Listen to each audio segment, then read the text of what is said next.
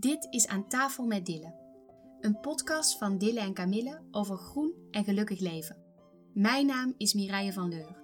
En voor Dille en Camille ga ik op zoek naar bijzondere verhalen over de formule voor een groen en gelukkig leven. Ik hoop dat ik je met deze aflevering mag inspireren en je kunt genieten van een momentje voor jezelf. Dus pak een kop thee en heel veel luisterplezier.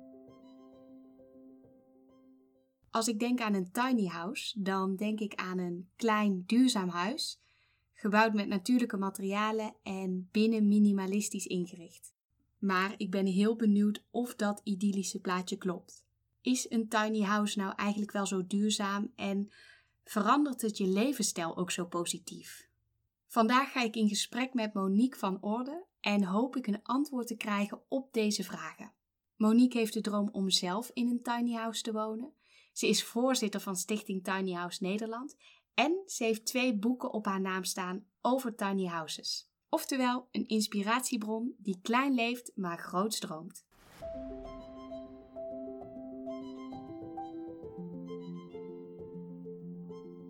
Welkom Monique. Dankjewel. Fijn dat je er bent. Ja. Nou, vandaag wil ik het heel graag met je hebben hoe, nou ja, wat een tiny house is en hoe het dan kan zorgen voor een bewuster en duurzamer leven. Ja. En volgens mij ben jij, uh, nou ja, de perfecte persoon om het daar, om daar iets meer over te vertellen. Eerst even over een tiny house. Waar staat een tiny house nou eigenlijk voor? Wanneer kun je nou zeggen, ik woon in een tiny house?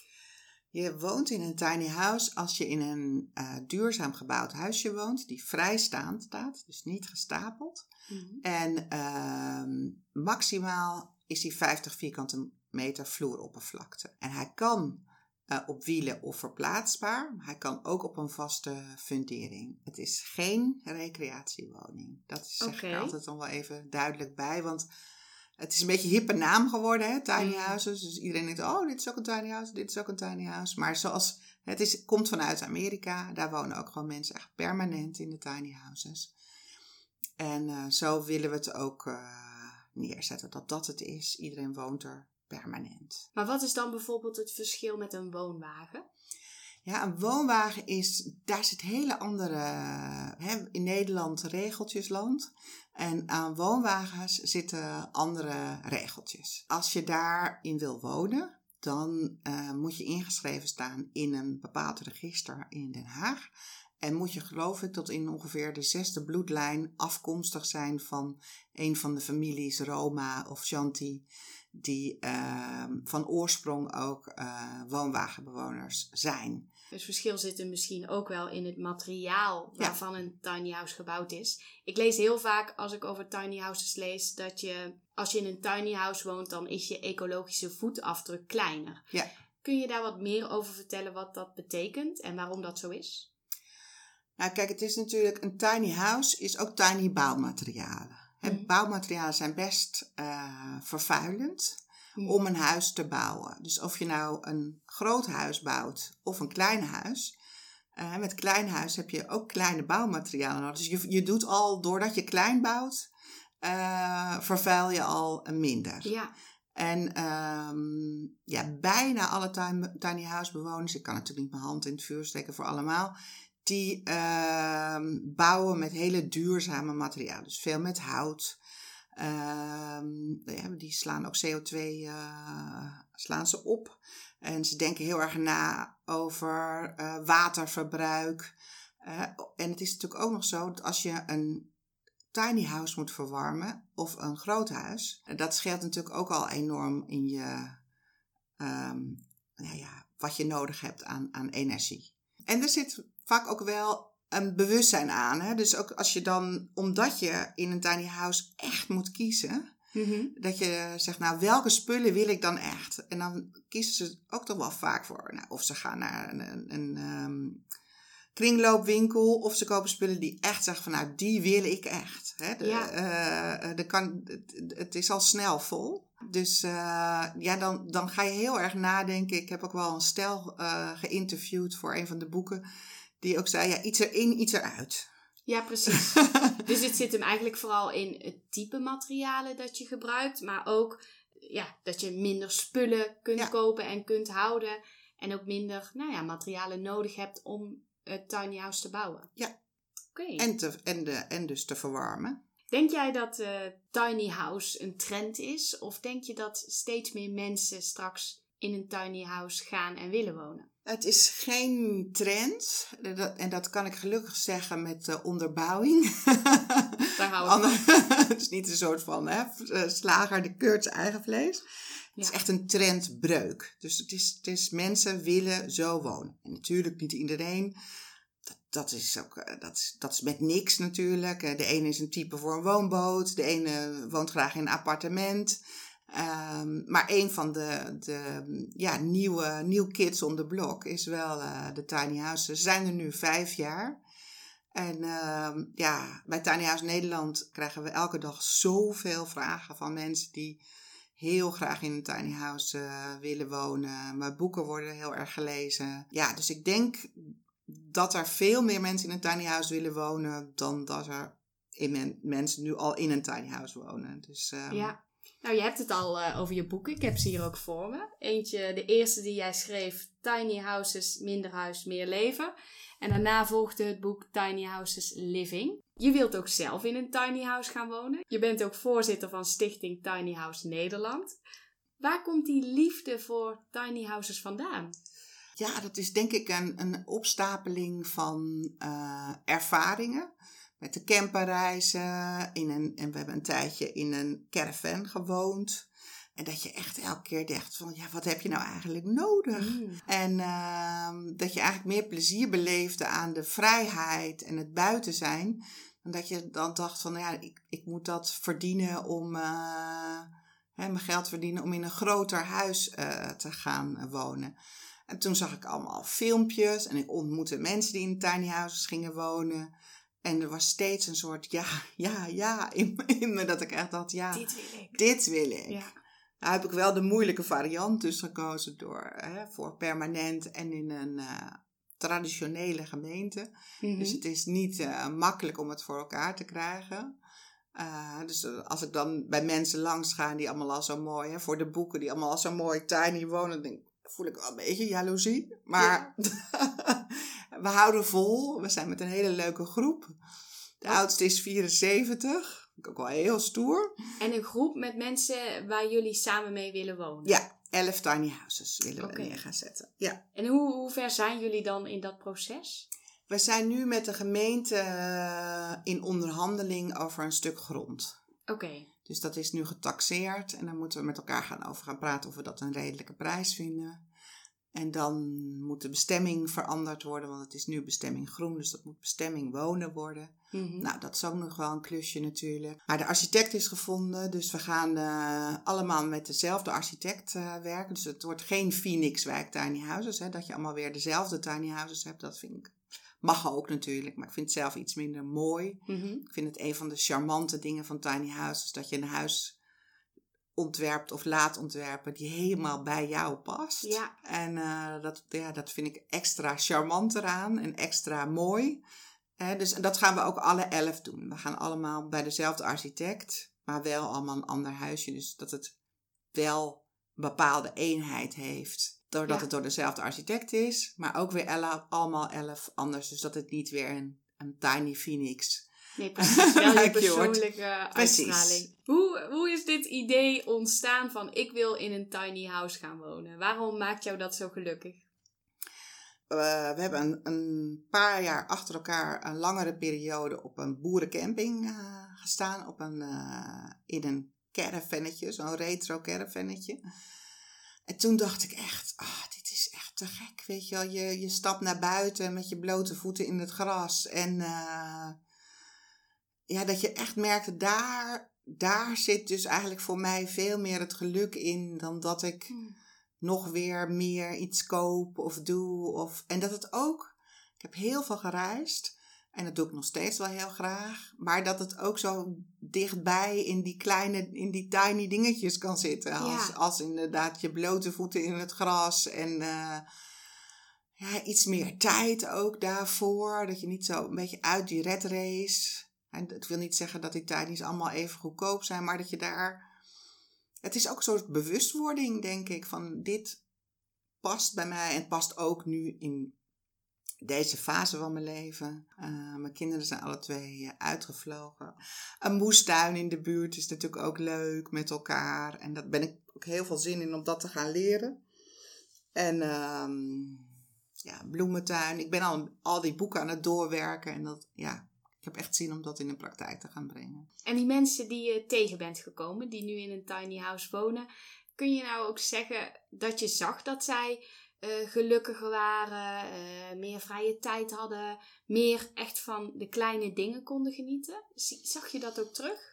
Nou, ik, ik zei, tof, een leuke vraag, want ik, laatst vroeg iemand me dat ook. En toen zei ik, ja, ik heb geloof ik echt alleen maar hele blije mensen geïnterviewd. Ik kwam ook elke keer weer terug, dat ik dacht, jeetje, wat een blij verhaal weer. Ja. Uh, en natuurlijk zijn er ook uitdagingen. Dat je echt denkt, oh, weet je, sommigen die wonen off-grid. dus die zijn op niks aangesloten. Niet op de waterleiding, niet op de riolering, niet op de uh, okay. gasnet, niet op de elektriciteitsnet. Nou, die hebben maanden in de winter dat het echt wat minder tof uh, ja, is. Ja, dat kan ik me voorstellen.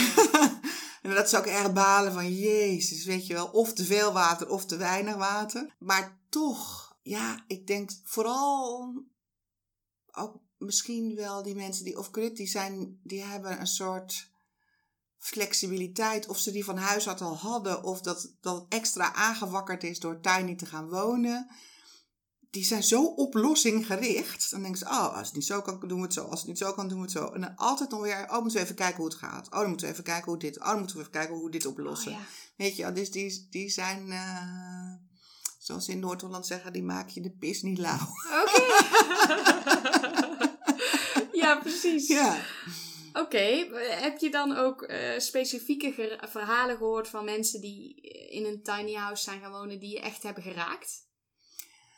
Ja, eigenlijk bijna allemaal toch wel. Iedereen had zo zijn eigen verhaal of zijn weg er naartoe. Of een meisje ook die had, uh, die kon gewoon echt nergens een woning vinden. En het was gewoon, er is een tijd dat je je huis uit moet bij je ouders. Dat ja. ken je misschien zelf ook nog wel, dat je denkt, ik moet gewoon vertrekken. Hoe leuk het misschien ook was bij je ouders. Want mm. je, je moet eruit. Dat nest is, is, weet je, je moet eruit.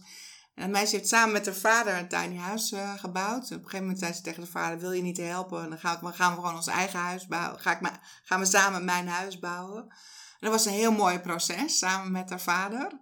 Ook, weet je, zo'n laatste stukje zo van uit huis. Oh, ja. Op weg naar uit huis. En uh, ja, die, dat ook wel super stoer natuurlijk. Als je op zo'n jonge leeftijd denkt, uh, ik bouw mijn eigen huis. En, Wat mooi, ja. Ze een heel mooi plekje gevonden. En ook echt happy daar mee. En er staat ook in mijn tweede boek, staat Tiny House Living, uh, staat ook een echtpaar die, uh, zij zijn het huis uitgegaan. Ze hebben de kinderen in het huis gelaten. Oh. Vier kinderen, volwassen, jong volwassen hoor, dus niet jonge kinderen achtergelaten. Gelukkig, ja. en dat vond ik ook wel grappig, dat de ouders het huis uitgingen. Ja. En um, dus die wonen nu in België op, wel op een camping. Dat was de plek die ze konden vinden. En, um, ja, en dan de kinderen. Ze hebben wel ook gebouwd dat alle vier de jongvolwassen kinderen kunnen komen logeren. Dus er zitten haken in de muren waar uh, hangmatten kunnen. En, en bankjes die omgetoverd kunnen worden tot bed en zo. Dat vond ik dan ook wel weer ontroerend. Dat ze dat. Uh, aan hadden gedacht. Ja. Alle kinderen moeten wel kunnen komen logeren. Oh ja, dat ze daar toch rekening mee houden. Ja. ja. Ja, ja, ja. er zijn zoveel mooie, verschillende invalshoeken van mensen die zeggen op die manier kwam, kwam het tiny house op mijn pad en uh, ben ik ervoor gegaan. Ja, maar jij noemde net ook al de drijfveren van uh, meer vrije tijd, uh, in het moment kunnen leven, echt genieten. Ja. Zijn dat ook de drijfveren die je bent tegengekomen bij die mensen? Ja, ja, ja, ja. Ik denk dat dat wel de universele drijfveren zijn van mensen. Ja. Heb je tips voor luisteraars die nu nog niet in een tiny house wonen en die zoiets hebben van, nou, ik kan me wel vinden in die, in die, in die lifestyle en ik, ik wil ook wel uh, minimalistischer en meer in het moment leven en duurzamer zijn? Ja, en je kan natuurlijk altijd thuis gewoon ook beginnen. Uh, er zijn ook mensen die, vond ik ook een heel grappig verhaal, die zijn kamers gaan afsluiten in een hun te grote huis. Dat ze zeiden van eens kijken of ik minimalistischer kan wonen. Sommigen zijn Oh, zelfs zo ver gegaan dat ze lijnen hebben getrokken waar ze niet meer overheen Oh.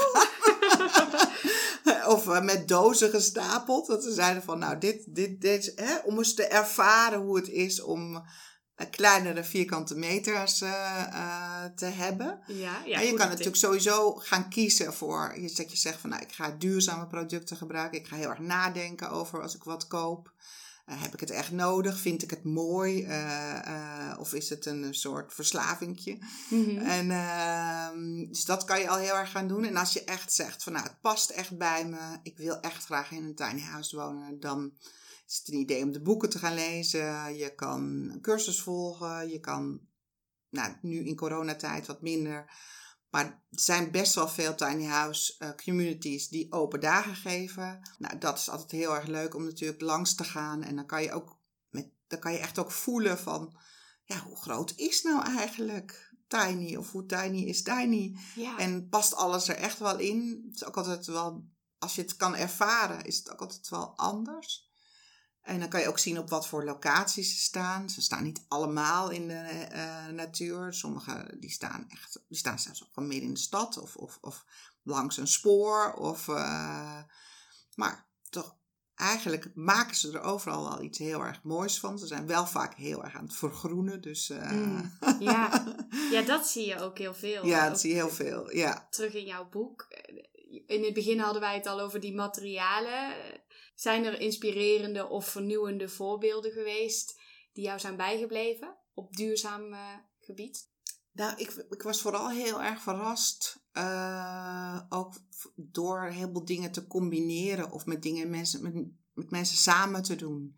Weet je, dat, er, eh, dat je niet ieder huis een eigen wasmachine hoeft te hebben. En, eh, ehm, Want dat hadden ze dan ergens samen. Ja, of, of gewoon met twee huisjes. Of, eh, of, of met vier. Of net eh, in Katwijk hebben ze geloof ik eh, allemaal een wasdag. Oh, Ja, dat hangt Ja. gewoon op zo'n zo'n bordje van wie er de, de wasdag heeft. hmm. Ze hebben ook samen een kas. Eh is ook heel leuk natuurlijk. En ze hebben samen kippen. Die hebben ze ook zelfs nog gered uit zo'n rette kip. uit de, de, de kippen van de legboede, eh, leg, Oh, ja. een legbatterij. Een legbatterijkip hebben Ja. ze dan gered. Ja, heel veel wordt er gedeeld. Soms ook gewoon wel met de buurt. Dat is ook wel heel mooi, dat het ook zo erg verbindt dan dus. Ja. En het idee van wonen in een tiny house is dan ook wel eigenlijk echt dat je dat samen met anderen doet. En zo'n kan. community bouwt. Het kan, weet je. Sommigen die hebben, vinden dat helemaal niet leuk. Dus die wonen gewoon alleen in een tiny house. Er zijn ook voorbeelden van. Nou, is ook prima natuurlijk. Hmm. Dus het is net, hè, je hebt communities van 33 en je hebt van 3. En, je hebt dus, dus, en sommigen wonen ook op plekken bij boerderijen waar je daar weer wat kan delen met de dingen die je doet. Hmm. Zijn er ook een stel die wonen met z'n tweeën op een landgoed. En daar zijn zij de beheerders. Dus dat is ook heel leuk. Dus ze doen eigenlijk werkzaamheden in ruil van dat ze daar mogen wonen. Dat is ook een mooie manier. Ja, een hele mooie manier. Ja. Ja, en ze hebben alle twee een baby nu. Oh. ja. Want hoe gaat dat? Heb je ook veel gezinnen gezien? Ja, gezinnen gezien. Die Ja, dan Eigenlijk ook meer dan steeds twee meer. eh, in, een, in een tiny house wonen. Ja, ja. En heel veel mensen vinden het ook heel knus. Ik kan me ook wel voorstellen dat het een hele bewuste keuze is om zo je Ja. kinderen op te voeden. Ja, Zo met het oog op, op de natuur en eh, die vrijheid en ja, dat idee. Ja. Als jij eh, straks zelf eh, jouw tiny house gaat bouwen, mhm. zijn, eh, heb je ook al nagedacht over de materialen? Dat die ook, nou ik heb gelezen, bio-based zijn. ja. bio-based, heel goed. Bio-based, dat betekent toch dat het echt natuurlijke materialen Ja. zijn, hè? Ja, zoals vlas om mee te isoleren. Of schapenwol. Of, en hout hoort er ook bij. Wat een enorme zoektocht is voor ons als groep. Wij gaan voor vast, voor permanent. En we willen zelf onze energie opwekken. En we Dus zitten... ook dat off-grid. Nee, we gaan niet off-grid. We gaan waarschijnlijk, zoals we nu denken, met één aansluiting op het net. Dus met z'n allen op één aansluiting. En er gaat een windmolentje ook naar ehm, onze grote accu toe. Dus één aansluiting op- van het net gaat ook naar de accu. En een windmolentje en een paar zonnepanelen. Maar we hebben veel bomen eromheen, dus dat is wat lastig met de zonnepaneeltjes. Die gaat ook naar onze grote accu en daar halen we allemaal onze energie van af. Hmm. Maar het is een hele ingewikkelde constructie, ook weer met allerlei wetgeving. Dus dat is. ehm, en we gaan wel aansluiten gewoon op. eh, eh, we hebben wel allemaal een kraanaansluiting. Hè, wat ik eerder zei, de oudste is 74. Nou, die, hè, als het dan even een tijdje niet regent, die heeft gewoon wel water nodig. Ja. Maar we gaan wel hele grote watertanks. eh, dus we gaan wel maximaal regenwater opslaan. Hmm. Hè, dus we gaan niet onze plantjes en onze groentes eh, met eh, kraanwater bewateren. Dat gaan we gewoon met opgevangen regenwater doen. En ja, sommige huisjes worden, gaan ook de wc doorspoelen met regenwater. Of gaan Oh ja. douchen met regenwater. Als ik jou zo hoor, ben ik heel enthousiast. Mhm. Maar ik vraag me dan wel af, is eh, wonen in een tiny house voor een bepaald type mens? Moet je er een bepaald type voor zijn? Nou ja, kijk, als je natuurlijk eh, claustrofobisch eh, bent aangelegd en 50 vierkante meter, dat je denkt, nou, dat vind ik, dat voelt voor mij als een soort, hoe noem je dat? Zo'n kast bij de voordeur. Zo'n Meterkast, meterkast. ja. dat voelt voor mij als een meterkast. Ja, dan moet je het niet doen. Dan, dan past het niet eh, bij je. En als je zegt, ik, ik, vind, ik, ik, laatst sprak ik ook iemand die woont in een appartement. Die zegt, ik vind het zo lekker gevoel dat er allemaal appartementjes om mij heen zitten waar mensen wonen. En ik vind het zo lekker overzichtelijk. En, eh, en die, zij zit ook vrij hoog, dus ze, heeft heel, ze houdt heel erg van uitzicht. Maar ik denk dat het gewoon belangrijk is, ook met, net als met die duurzaamheid, dat je denkt, wat past bij mij? Werkt het? En dan kan je het ook gaan proberen uit te gaan testen. Je denkt, ja, zou misschien wel bij me gaan kunnen passen. Test het uit. Ja. Ja, bijvoorbeeld door zo'n open dag te bezoeken, wat je Ja. ook al zei. Ja. Ik zie dan prachtige voorbeelden, prachtige Ja. afbeeldingen. En dan denk ik echt, oh, die locatie en, en, en zo'n huis, hoe dat gebouwd is. Ja, Huh, kan dat dan Ja. wel? Is het echt zo makkelijk of is het heel moeilijk? Want voor mij lijkt dat echt van, nou, dat kan toch haast niet? Ja, het kan, het kan. Eh, kijk, sommigen die, die eh, hebben de mazzel dat ze bijvoorbeeld bij een groep zich aan kunnen sluiten die al heel ver is. Hè? Eh, en sommige, eh, zoals in Utopia bijvoorbeeld, hier in Den Bosch, daar wordt het georganiseerd door twee mensen die hebben gezegd, nou wij die hebben gewoon een deal met de gemeente. Als er locaties zijn waar tijdelijk niks gebeurt, dan mogen we daar huisjes op bouwen. Mogen mensen daar huisjes op bouwen. Ja. Onder allerlei voorwaarden. Maar dan hebben zij bijvoorbeeld al het regelwerk al geregeld. Ja, want Er precies. zit veel regelwerk bij. En, en bij jou, bij jouw proces, verloopt dan nu alles wel van een leien dakje? Nee, nee, nee. Het, zijn, het, is, het is elke keer denk ik. Nou, nu hebben we echt alle regelgeving gehad. En dan popt er toch weer een nieuwe vergunning op. Het is een soort ik vertrek. Weet je al, Ja, mensen die ja. zeggen: Oh, nog een vergunning. Of we hebben nu 13 van de 16 vergunningen. En, eh, en het is ook ergens goed, hè, dat we, je, je hebt ook niet zomaar een kernreactor in je achtertuin of een vliegveld in je voortuin. Hè. Dat Mhm. is, eh, maar soms dat je echt denkt, jongens, jongens, jongens, weet je al. eh. en zeker, de, wat ik zei, bij ons in de groep twee dames van 74, die, die, die willen ook op een gegeven moment echt natuurlijk wel verhuizen. Dan Ja. kan je niet vijf jaar lang aan een lijntje eh, gaan houden. Dan Nee. zijn ze ook wel eh, bang dat, dat het dan te laat voor hun wordt. Al wordt het wel, een, als het gaat lukken, eh, dan krijgen zij, heeft de, eh, krijgen zij het eerste levensloopbestendige tiny house. Oh, dat is eh, heel netjes. ja, dat als Ja. architect vond dat ook wel een uitdaging. En dat is passen meten en het is gelukt. Oh, wat mooi, ja. Een tiny farm krijgt zij. En dan Oh. wonen wij daarnaast in de tiny barn. Nou, hoe leuk. Dat zou heel leuk zijn, ja. Ja. En zij, want je noemt nou heel erg als struikelblok die wet en regelgeving. Ja. Wat kom je nog meer tegen? Kosten, misschien locatie? Nou ja, kijk, als een gemeente niet wil, hebben ze best heel veel in handen om het niet te willen. Mhm. Dan kunnen ze best heel veel eh, tegenwerken. En als ze wel willen, dan hebben ze ook heel veel in handen om het wel mogelijk te maken. Dus dat is, dat vind ik echt heel ingewikkeld, dat je zo afhankelijk bent. Of degene hè, die, die aan de knoppen draait, ehm, wil of niet wil. Mhm. Ja. En, En eh, maakt het dan denk je verschil dat veel gemeenten nu al wel eh, Ja, tiny houses Dat hebben? maakt zeker verschil. Want je kan nu voorbeelden laten zien. En waar, stel, er zijn luisteraars die denken, ja, ik wil in een tiny house gaan wonen. Ja. Eh, hoe, waar kunnen zij het beste beginnen? Er is op Tiny House Nederland hebben we een kaart eh, waarop je kan zien of er al of er projecten zijn waar je je kan aansluiten. Waar de Mhm. projecten zijn in Nederland en waar je je bij kan aansluiten. En Ja. de website van Tiny House Nederland, Nederland. is Tiny House, Nederland.nl. Ja. tinyhousenederland.nl. Ja. Oké. En dus- we hebben ook nog, dat is denk ik ook wel goed om te noemen, want er zitten echt heel veel mensen in en die zijn heel actief. We hebben een Facebook pagina en een Facebook groep. En in de groep is het dus heel actief. En daar zitten iets van 12.000 mensen in. Dus die, eh, en er zitten ook altijd mensen in die bereid zijn het te vertellen hoe zij het hebben gedaan. Ervaringsdeskundige. Ervaring en deskundigen, dat is het juiste woord. Of dat ze eh, hele plannen met elkaar delen. Van eh, dit is de plannen die wij hebben gemaakt. die mag je lenen. En dan hoef je niet het wiel zo zelf uit Ja, te vinden. ja, want dat is natuurlijk ook zo'n zo'n klus. Ja, precies. En eh, dat is natuurlijk heel fijn. Een soort open source. Dat je elkaar dat ook deelt. Goede tip. Ja. Ik werd wel heel erg getriggerd ook toen jij zei: eh, ga eens zelf oefenen in je eigen huis. Ja. Stel je nou voor dat er een eh, tiny Dille en Camille huis zou komen met Ja. eh, de duurzame spulletjes van Dille en Camille en dat je daar misschien kunt overnachten. Zou dat een goed idee zijn, denk je? Dat is een goed idee als je je realiseert dat, dat wonen anders is dan vakantie. Ja, Hè? precies. Dat je dat, eh, dus dat je echt gaat voor, nou, hoe voelt een kleine ruimte? Hè?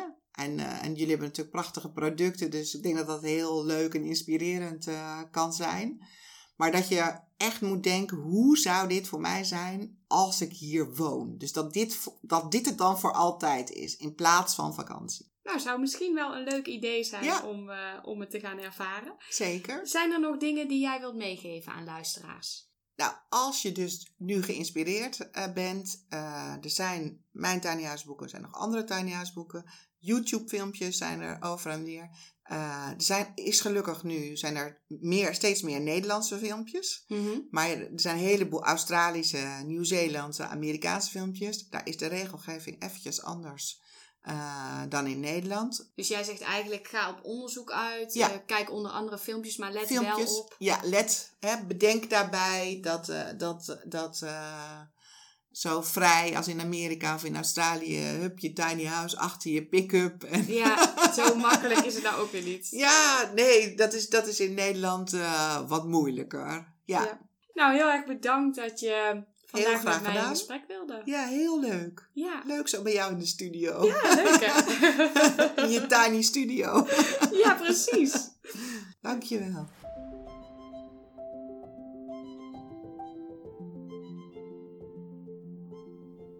Dank je voor het luisteren naar deze podcast. Abonneer je op de Dille en Camille podcast als je niks wilt missen. Ik ben heel benieuwd wie jij graag terug zou willen horen in de volgende podcast. Dus heb je een goed idee? Stuur me dan een berichtje via de Dille en Camille Instagram. Tot de volgende keer.